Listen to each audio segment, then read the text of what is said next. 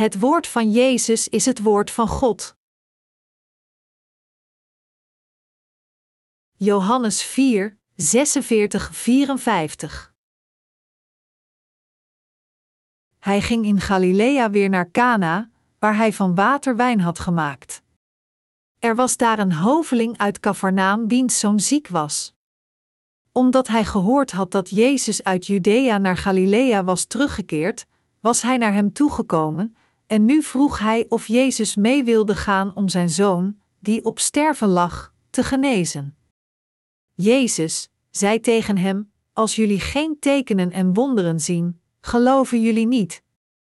Maar de hoveling drong aan: Heer, ga toch mee, voordat mijn kind sterft.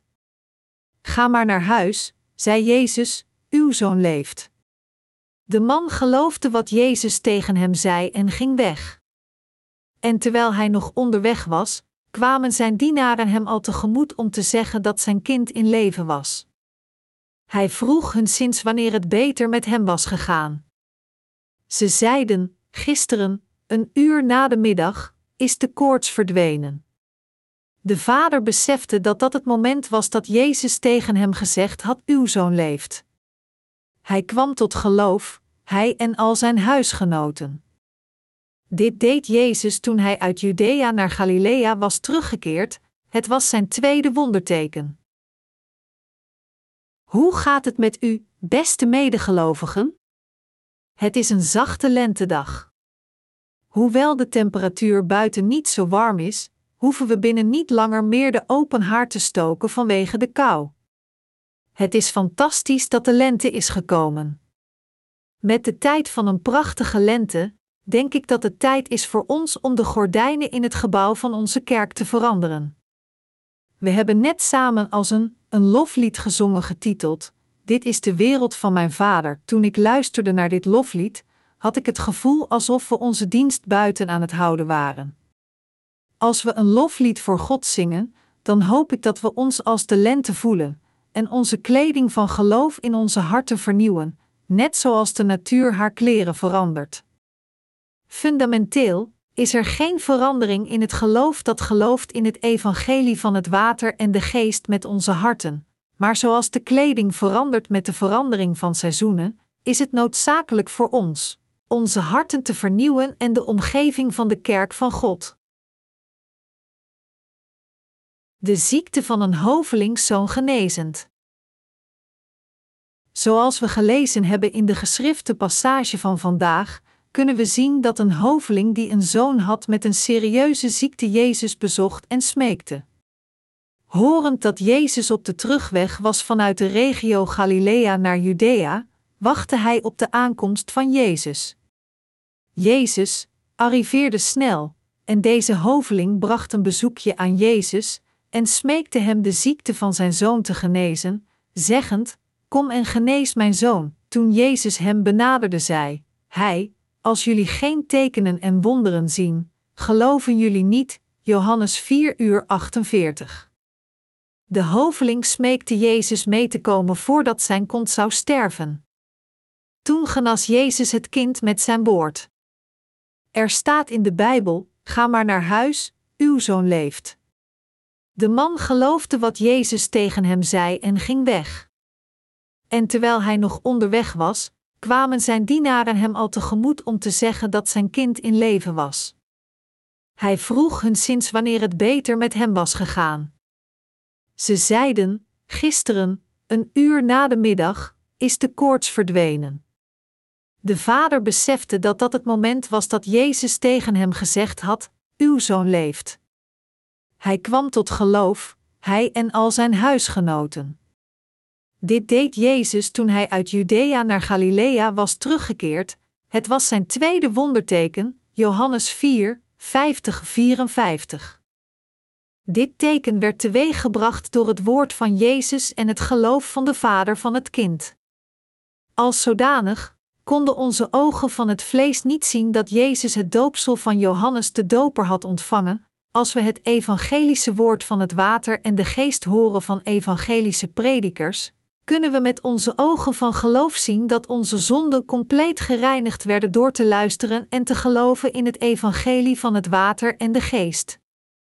Het verhaal dat we vandaag lazen laat ons nadenken over: wat is het ware geloof voor God?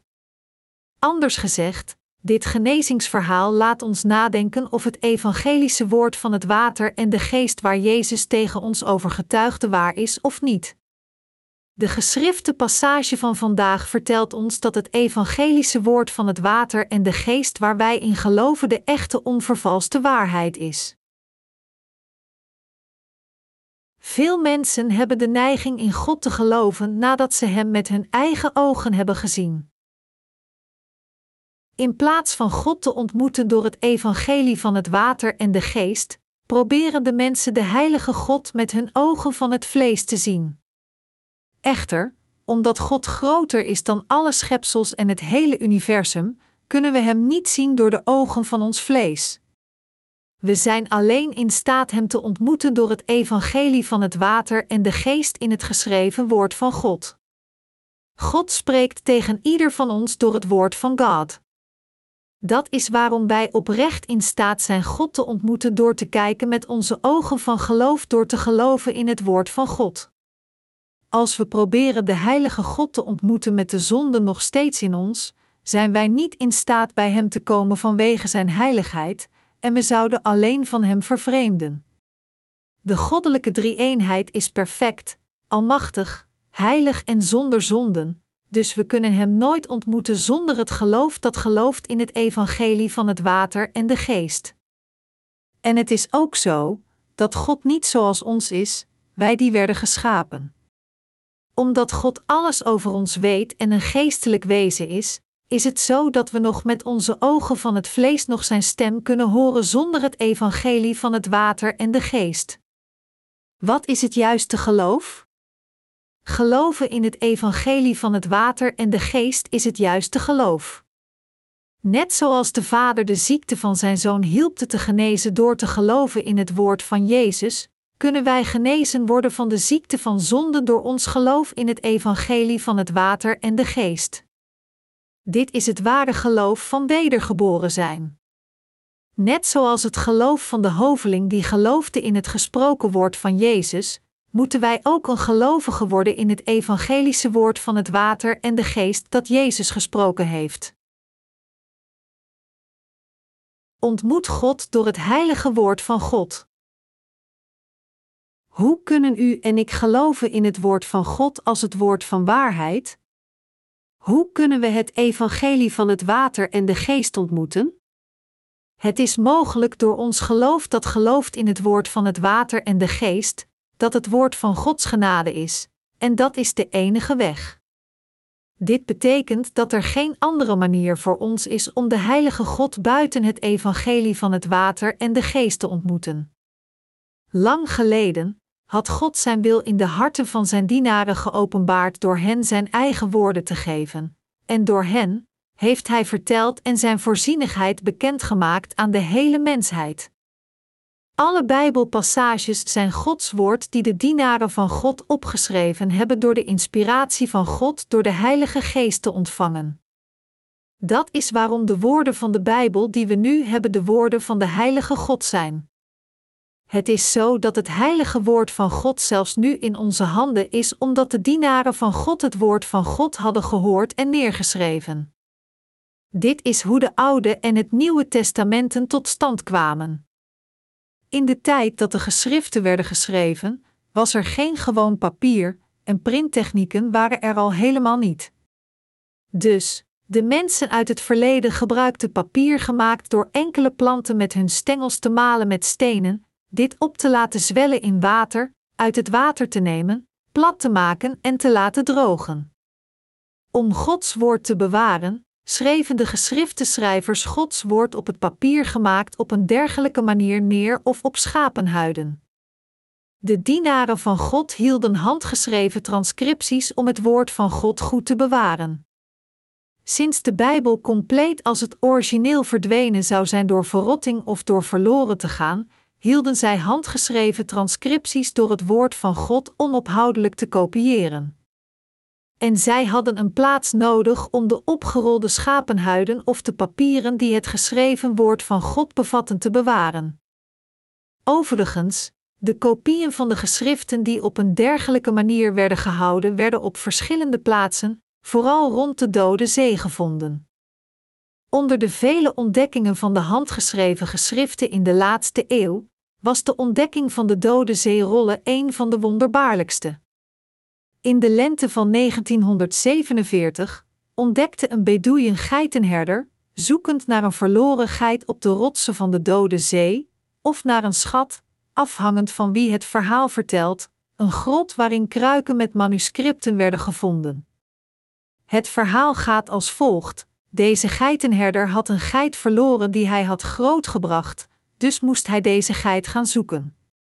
Er waren veel grotten, later de Qumran-grotten genaamd, en de geitenherder gooide stenen in de grotten om te kijken of de geit in de grot zat. Als de geit in die grot zit en geraakt wordt door een steen, dan wordt de gil van de geit gehoord, maar zo niet, dan hoor je geen geluid. Dus gooide hij een steen, maar in plaats van het geluid van een geit, klonk er het geluid van een brekende kruik. En dus ging de herder de grot in, en daar vond hij een gebroken kruik waar enkele opgerolde schapenhuiden in zaten. Zelfs in de ogen van de geitenherder leken zij zeer kostbare voorwerpen.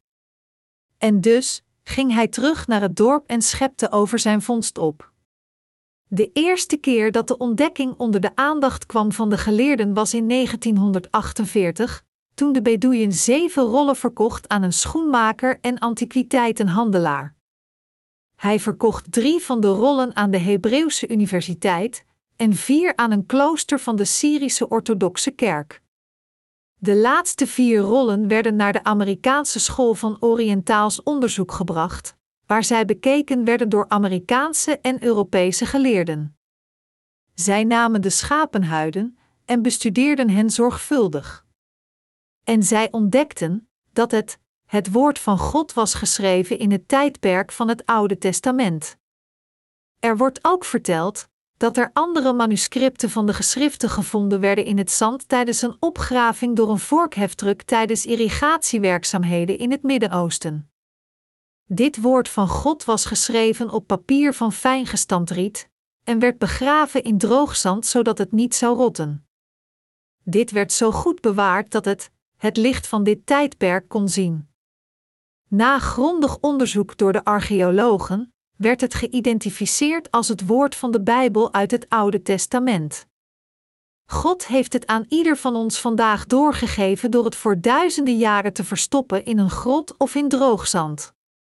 In het verleden schreven de dienaren van God het woord van God neer om het te bewaren, maar toen zij werden vervolgd, moesten zij de schapenhuiden met de geschriften van het woord van God verstoppen in droogzand of grotten.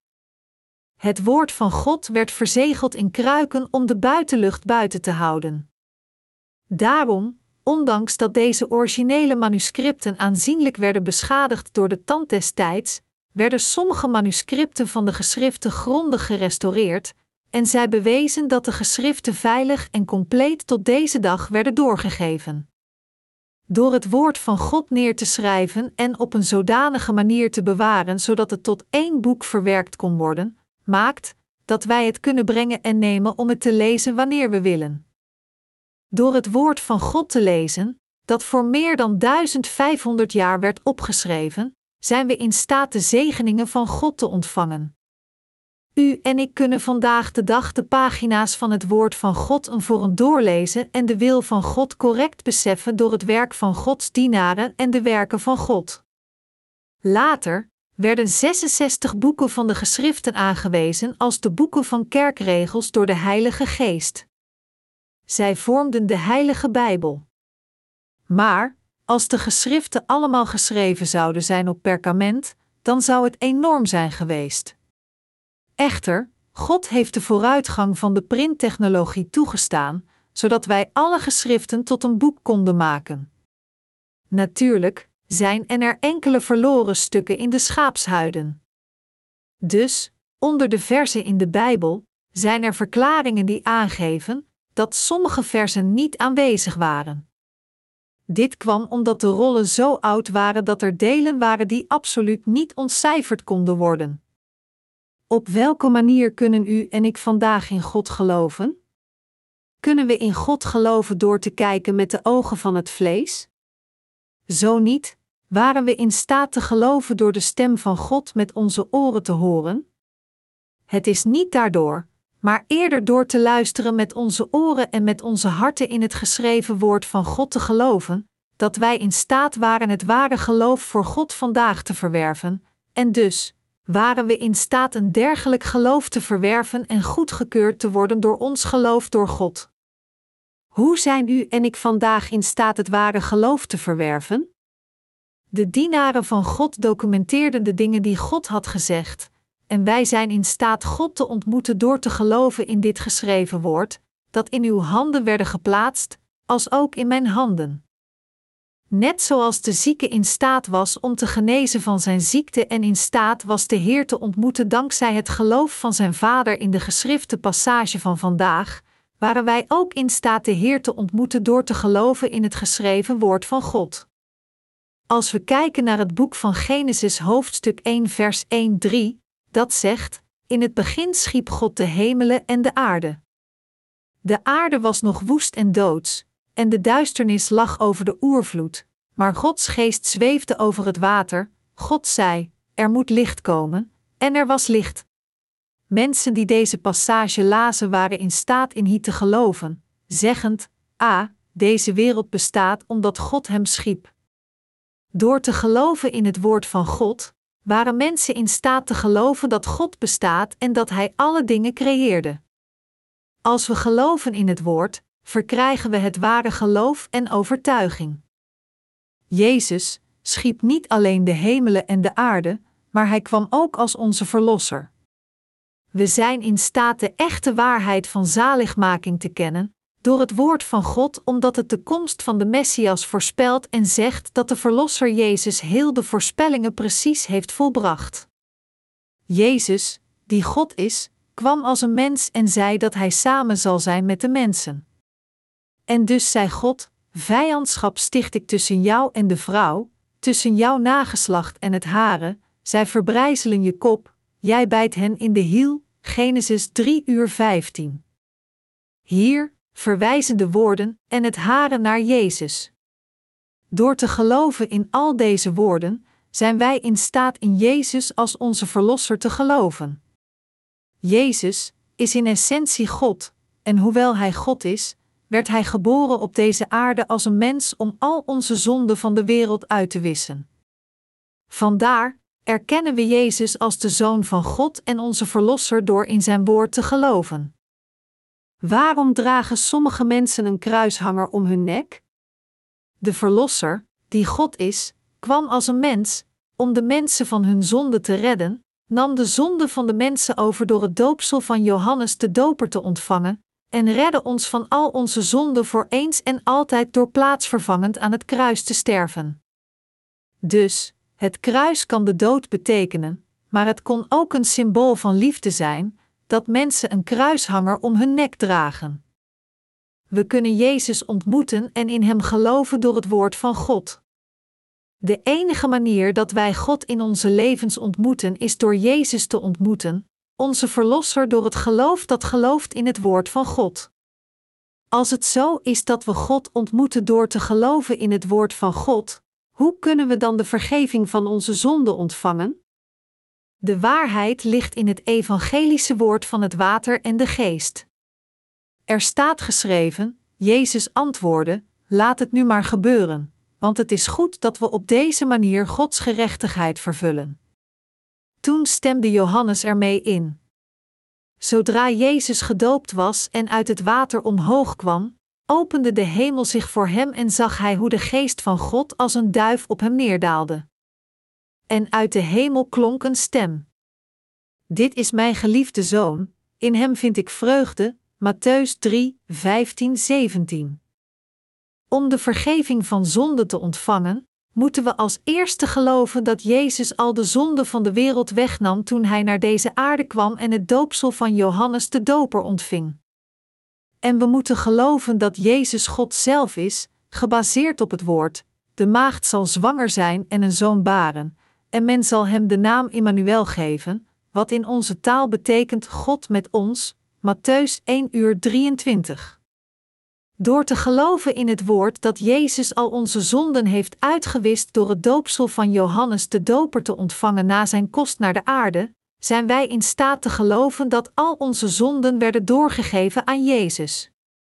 Door te geloven in het woord van het water en de geest, zijn wij in staat het feit te geloven dat Hij ons gered heeft door de zonden op zijn lichaam te nemen, te sterven aan het kruis en weer te verrijzen.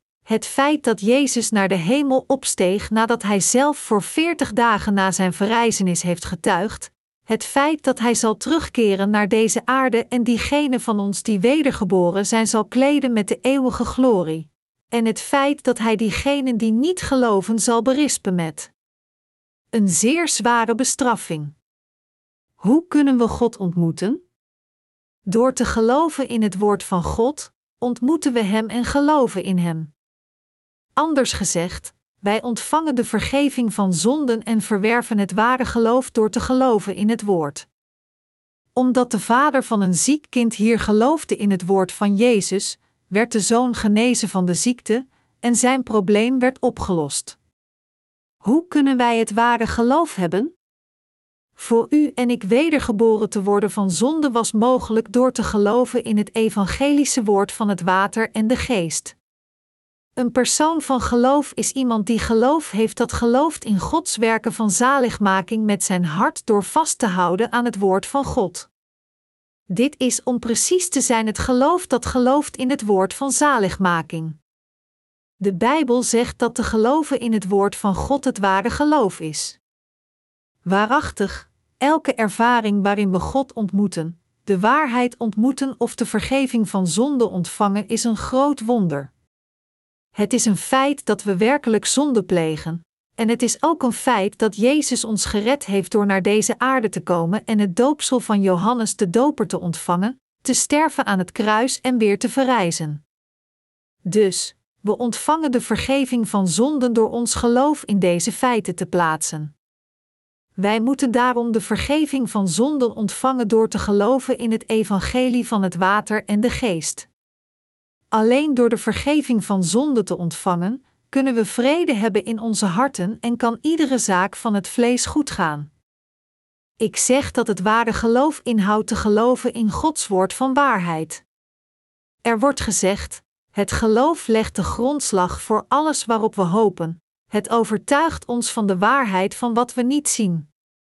Om hun geloof werden de mensen uit vroegere tijden geprezen, Hebreeën 11, 1, 2.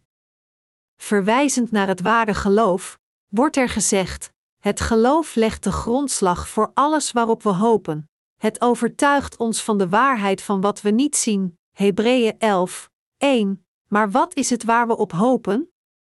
Gaan we verder met ons leven wetend dat er die ene is die ons schiep? We weten dat de Schepper van alle dingen leeft. Want het geloof legt de grondslag voor alles waarop we hopen, we geloven dat Hij die leeft aan ons heeft gegeven waar wij op hopen en naar vragen. Net zoals onze problemen waar zijn, is het feit dat Hij ons maakte ook waar, het feit dat Hij al onze zonden heeft uitgewist, en het feit dat we nu ademen is waar. En waar we op hopen zal echt worden vervuld door ons geloof. Hoe verifiëren we het feit dat we leven? Laten we de woorden van een geleerde nemen die meer dan 40 jaar micro-organismen had bestudeerd. Hij was een bioloog die micro-organismen had bestudeerd die niet gezien konden worden met het blote oog zonder een microscoop te gebruiken. Als mensen hem vroegen: wat is het bewijs dat micro-organismen, die men niet met het blote oog kan zien, leven? Dan antwoordde hij: micro-organismen lijden onder veel moeilijkheden. Het feit dat zij door moeilijkheden heen gaan is het bewijs dat zij leven, omdat de micro-organismen leven, moesten zij angst doorstaan en omdat zij levend waren, hadden zij zorgen. Omdat zij levend waren, moesten zij ook pijn ervaren. Diegenen die leven, reageren onophoudelijk op hun omgeving. Dat was het bewijs dat de micro-organismen die men niet kan zien leven. Net zoals deze wetenschapper heeft gezegd: het bewijs dat we leven ligt in het feit dat we door pijn, angst en moeilijkheden gaan. De Franse filosoof Descartes zei: cogito, ergo sum, dat betekent: ik denk, daarom ben ik. Zijn gezegde kan worden toegepast als een logica dat het bestaan van alle levende dingen bewijst. Omdat u en ik leven en een ziel hebben, moeten we ons zorgen maken over onze sterfelijkheid. Ook maken we ons zorgen over onze basisbehoeften omdat we lichamen hebben. En we maken ons niet alleen zorgen over deze wereld, maar ook over de volgende wereld omdat u en ik een ziel hebben. We kunnen denken: wat zal er gebeuren als ik sterf? Wat gebeurt er met de mensen die zondigen? Wat als ik naar de hel ga na gezondigd te hebben? Wat als er een rechter is? Het feit dat we zo denken is in en op zich een bewijs dat we leven en dat God bestaat. Dit is het bewijs dat u werd geschapen volgens de wil van God en dat u leeft. En dus, het feit dat mensen zich zorgen maken over hun zonden kan ook het bewijs zijn dat het probleem van iemands zonde moet worden opgelost. Wij mensen moeten al deze problemen oplossen terwijl we leven op deze aarde, en de manier om al deze dingen op te lossen is door te geloven in het woord van waarheid gesproken door Jezus. Door te geloven in het woord van God, dat voor meer dan duizend jaren door God werd verteld, kan het probleem van zonde voor ieder individu worden opgelost. Hoe kan het dat deze Bijbelgeschriften het woord van God zijn? Er zijn mensen die denken dat de Bijbelgeschriften gewoon woorden zijn geschreven door mensenhanden. Maar, ondanks dat de Bijbel voor meer dan 1500 jaar geschreven werd door meer dan 40 geschriftenschrijvers, al de boeken van het boek van Genesis tot Openbaring samengesteld tot één Bijbel zijn het woord van God. De Bijbel is het enige boek dat duidelijk het werk van Gods schepping verklaart. Geen enkel ander boek durft deze kwestie te behandelen. Er staat geschreven: In het begin schiep God de hemelen en de aarde. God zei: Er moet licht komen, en er was licht. Genesis 1, 1 en 3. Als zodanig getuigt het woord van God dat God de hemelen en de aarde en alles erin schiep en dat Hij hen nog steeds controleert en bestuurt. Beginnend met de Pentateuch, zegt de Bijbel dat de wet van God werd gegeven aan het volk van Israël en al de mensen. Bovendien, al de boeken van de Bijbel voorspellen en getuigen over Jezus. Zelfs voor de 2004 jaren in het tijdperk van het Nieuwe Testament, waar praat het over? Het praat over Jezus, die naar de hemel opsteeg nadat hij al de zonden van de mensheid had uitgewist. Als iemand de echtheid van de Bijbel wil weten, kunnen we het aanpakken door huidige gebeurtenissen te overdenken, als ook de wereldgeschiedenis. Meer dan 40 geschriftenschrijvers hebben deze Bijbelgeschriften voor meer dan 1500 jaar geschreven. Maar over wie praten zij? Zij praten ontwijfelbaar over Jezus. In dit boek dat wij de Bijbel noemen, staan aantekeningen over Gods wil en de zondige toestand van de mensen, de weg naar zaligmaking en het oordeel van zondaars, maar ook de zegeningen voor diegenen die geloven in het evangelie van het water en de geest. De leerstellingen van de Bijbel zijn heilig en zijn aanmoedigingen zijn grondig. Er bevindt zich geen bedrog in dit werk, en de regels in de Bijbel veranderen niet.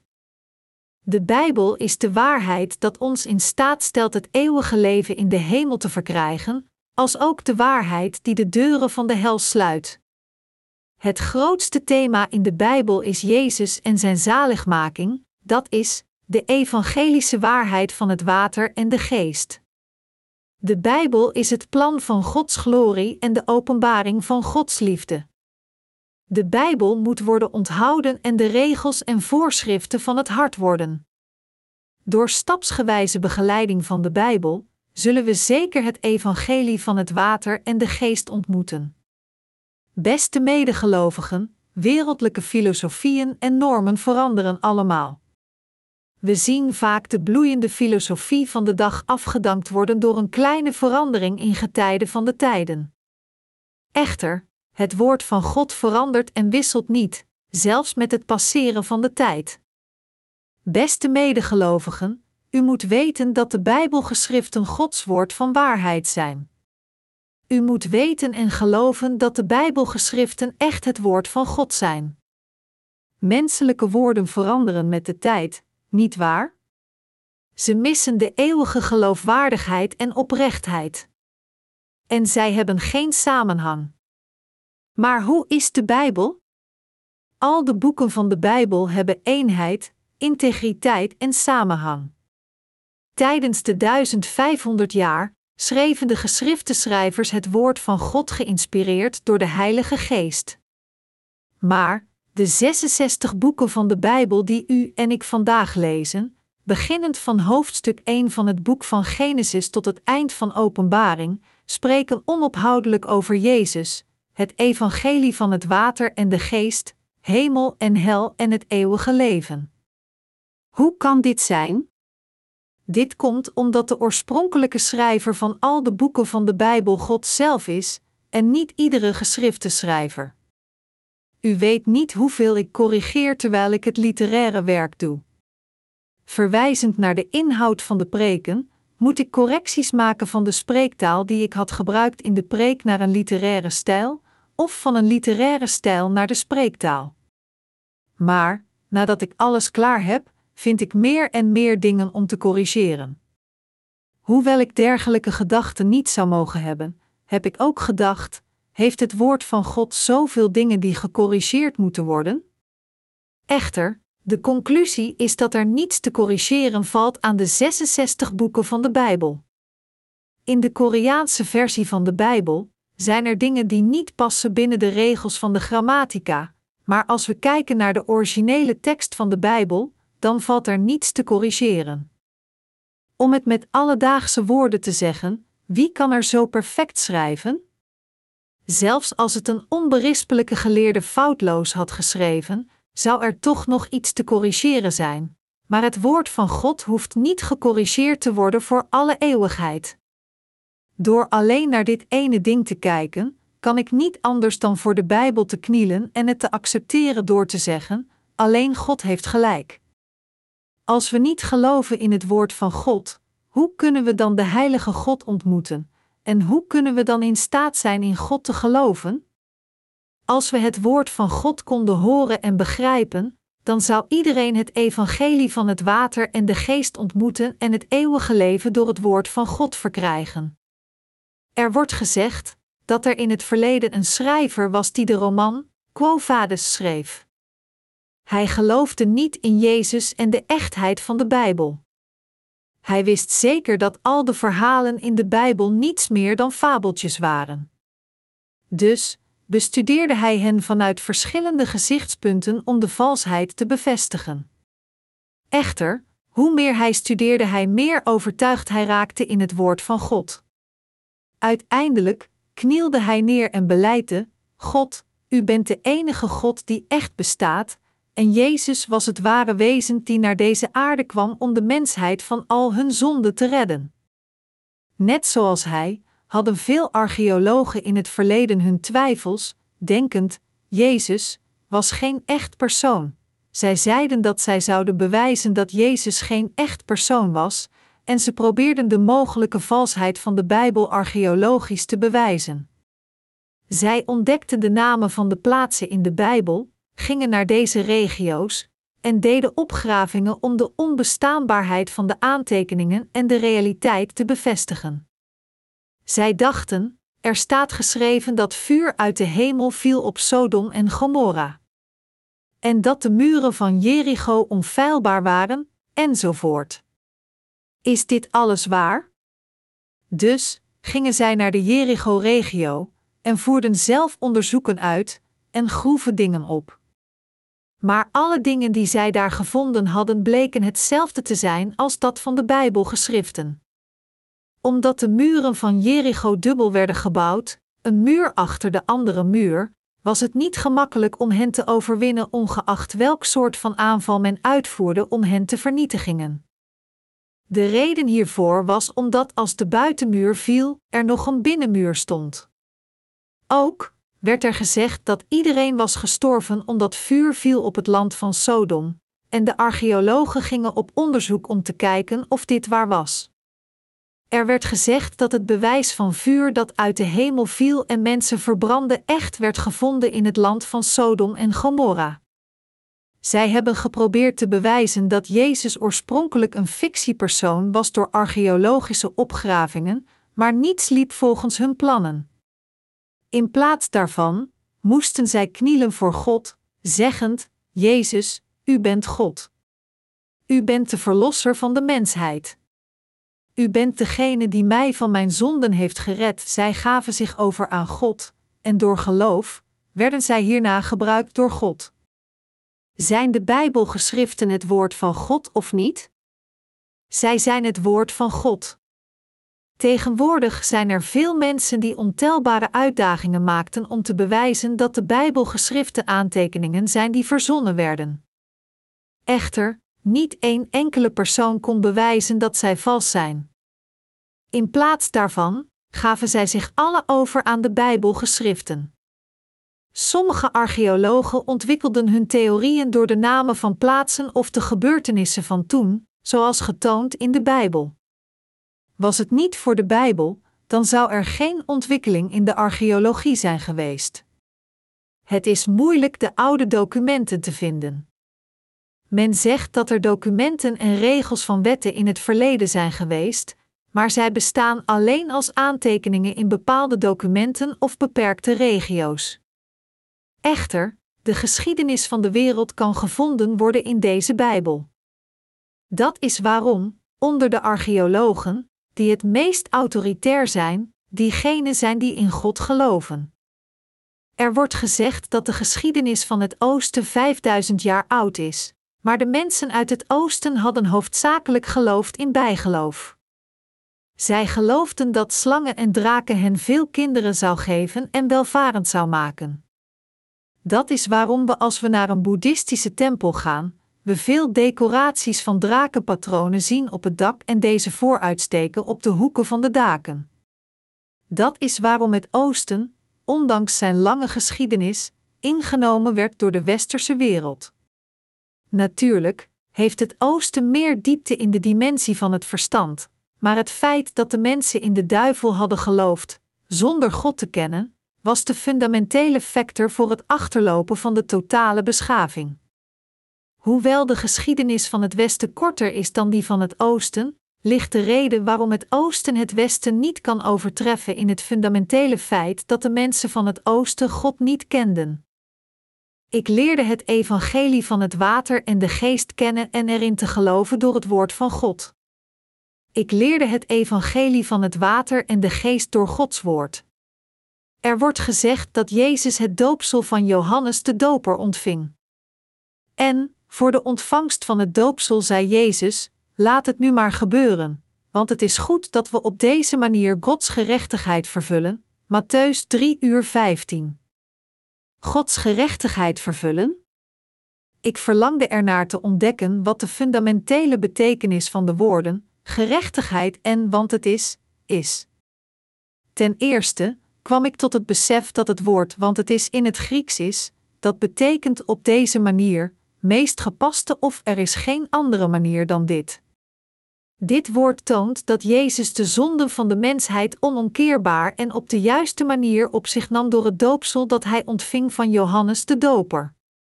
Door deze woorden was ik in staat de waarheid te beseffen dat Jezus het doopsel van Johannes de Doper moest ontvangen om heel de rechtvaardigheid te vervullen. Door dit doopsel te ontvangen, heeft Jezus compleet de wil van God de Vader vervuld. Het staat geschreven in de Bijbelgeschriften dat Jezus het werk om ons van al de zonden te redden compleet heeft volbracht door al onze zonden over te nemen door het doopsel dat hij ontving. Door te kijken naar deze woorden, hield mijn twijfel op te bestaan, en was ik in staat de waarheid te ontmoeten en bevrijd te worden van mijn zonden. Zelfs als we kijken naar de geschrifte passage van vandaag, kunnen we denken: ah, er was een vader wiens zoon ziek was. Jezus, herkennend, die de macht heeft om de zieken te genezen, vroeg hij hem snel naar zijn huis te komen, omdat zijn kind ziek was. sinds het geen nut had na de dood, vroeg hij hier te komen voordat zijn kind stierf. Maar Jezus, die niet kwam, zie dat zijn zoon leefde. Hij ging naar huis, gelovend in de woorden omdat Jezus hen gezegd had. En zijn zoon was in staat te leven door een dergelijk geloof. Ook ontving de hele huishouding de zegening van het geloven in Jezus. Net zo moeten we beseffen dat het correct is te geloven in Jezus door het woord van God. Is dit zo, of is dit niet zo? Ja, dat is zo. We zijn in staat de waarheid te kennen door het woord van God. Jezus sprak als eerste over Gods rechtvaardigheid tegen zijn dienaren en liet het hun zich herinneren. Waarom zei Jezus het als eerste tegen Gods dienaren? In plaats van het zelf te zeggen zodat iedereen kon luisteren, waarom spreekt Jezus erover door Gods dienaren? Omdat de mensen niet luisteren en niet geloven in de rechtvaardigheid van God als Hij erover verteld zou hebben. Het is zo dat Hij erover spreekt door de aangewezen dienaren van God.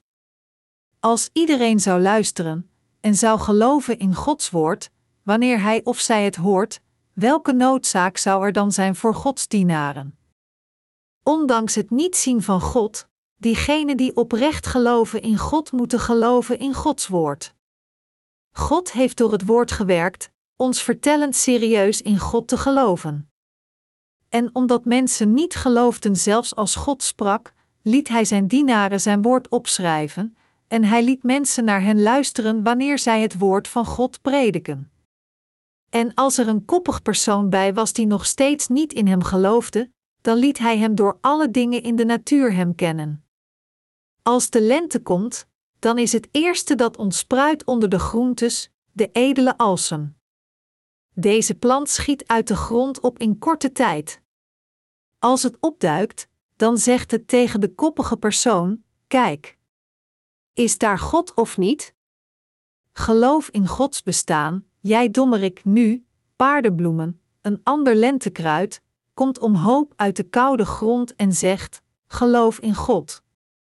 De Bijbel zegt: Zijn onzichtbare eigenschappen zijn vanaf de schepping van de wereld zichtbaar in zijn werken, zijn eeuwige kracht en goddelijkheid zijn voor het verstand waarneembaar.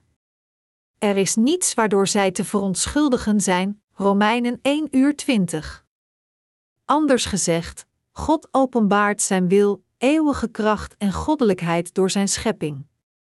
Deze pijnbomen geven ook het bestaan van God aan.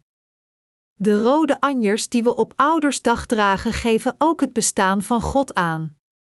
Veel mensen maken zich tegenwoordig druk over genetische manipulatie of manipulatie van het leven, maar dat is het maken van dingen door veranderingen bovenop de basis gevestigd door God. Het is niet iets creëren vanuit het niets. Het klonen van mensen is ook gebaseerd op het basiswerk van leven geschapen door God. Wanneer we kijken naar al de scheppingen in de natuur, dan kunnen we de levende God zien. Dus geven we onze zonden door aan God, de schepper van alle dingen, en gaan geloven door voor Hem terug te keren. Hoewel we niet veel van het woord begrijpen, wat belangrijk is, is dat we geloof hebben in het woord. Dit is het ware geloof. Welk soort van persoon heeft het juiste en godsdienstige geloof in deze wereld? Een persoon die gelooft in het woord van God heeft het grootste godsdienstige geloof. Voor een persoon die alleen gelooft in Jezus door het woord van God, ging de lofspraak van Jezus als volgt: Bij niemand in Israël heb ik zo'n groot geloof gevonden. Matthäus 8 uur 10. Maar hoe zit het met uw geloof? Moeten wij niet een dergelijk geloof bezitten? Moeten wij niet het geloof hebben dat gelooft in het woord? Als we niet geloven in God's woord, zullen we in ongenade vallen. Niet te geloven in het woord is als een onwetend beest dat vernietigd wordt. Als wij in Gods woord zouden geloven zoals het is, dan zouden wij niet in ongenade vallen door vast te houden aan het woord, Gods woord accepteren, Gods woord in gedachten houden en geloven in Gods woord. Als we geloven in Gods woord, zullen we verheerlijkt worden. Als we geloven in Gods woord, zullen we de vergeving van zonde ontvangen, en als we geloven in Gods woord, zullen we geloven volgens het doel van de Schepper, ons zelf kennend, God kennend, de anderen kennend en heel de wijsheid verborgen in zijn schepping kennend. Het beste geloof is het geloof dat gelooft in Gods woord. De beste preek is te prediken met het geloof in Gods woord. Beste medegelovigen, gelooft u dit? Ik geloof ook zondag halleluja.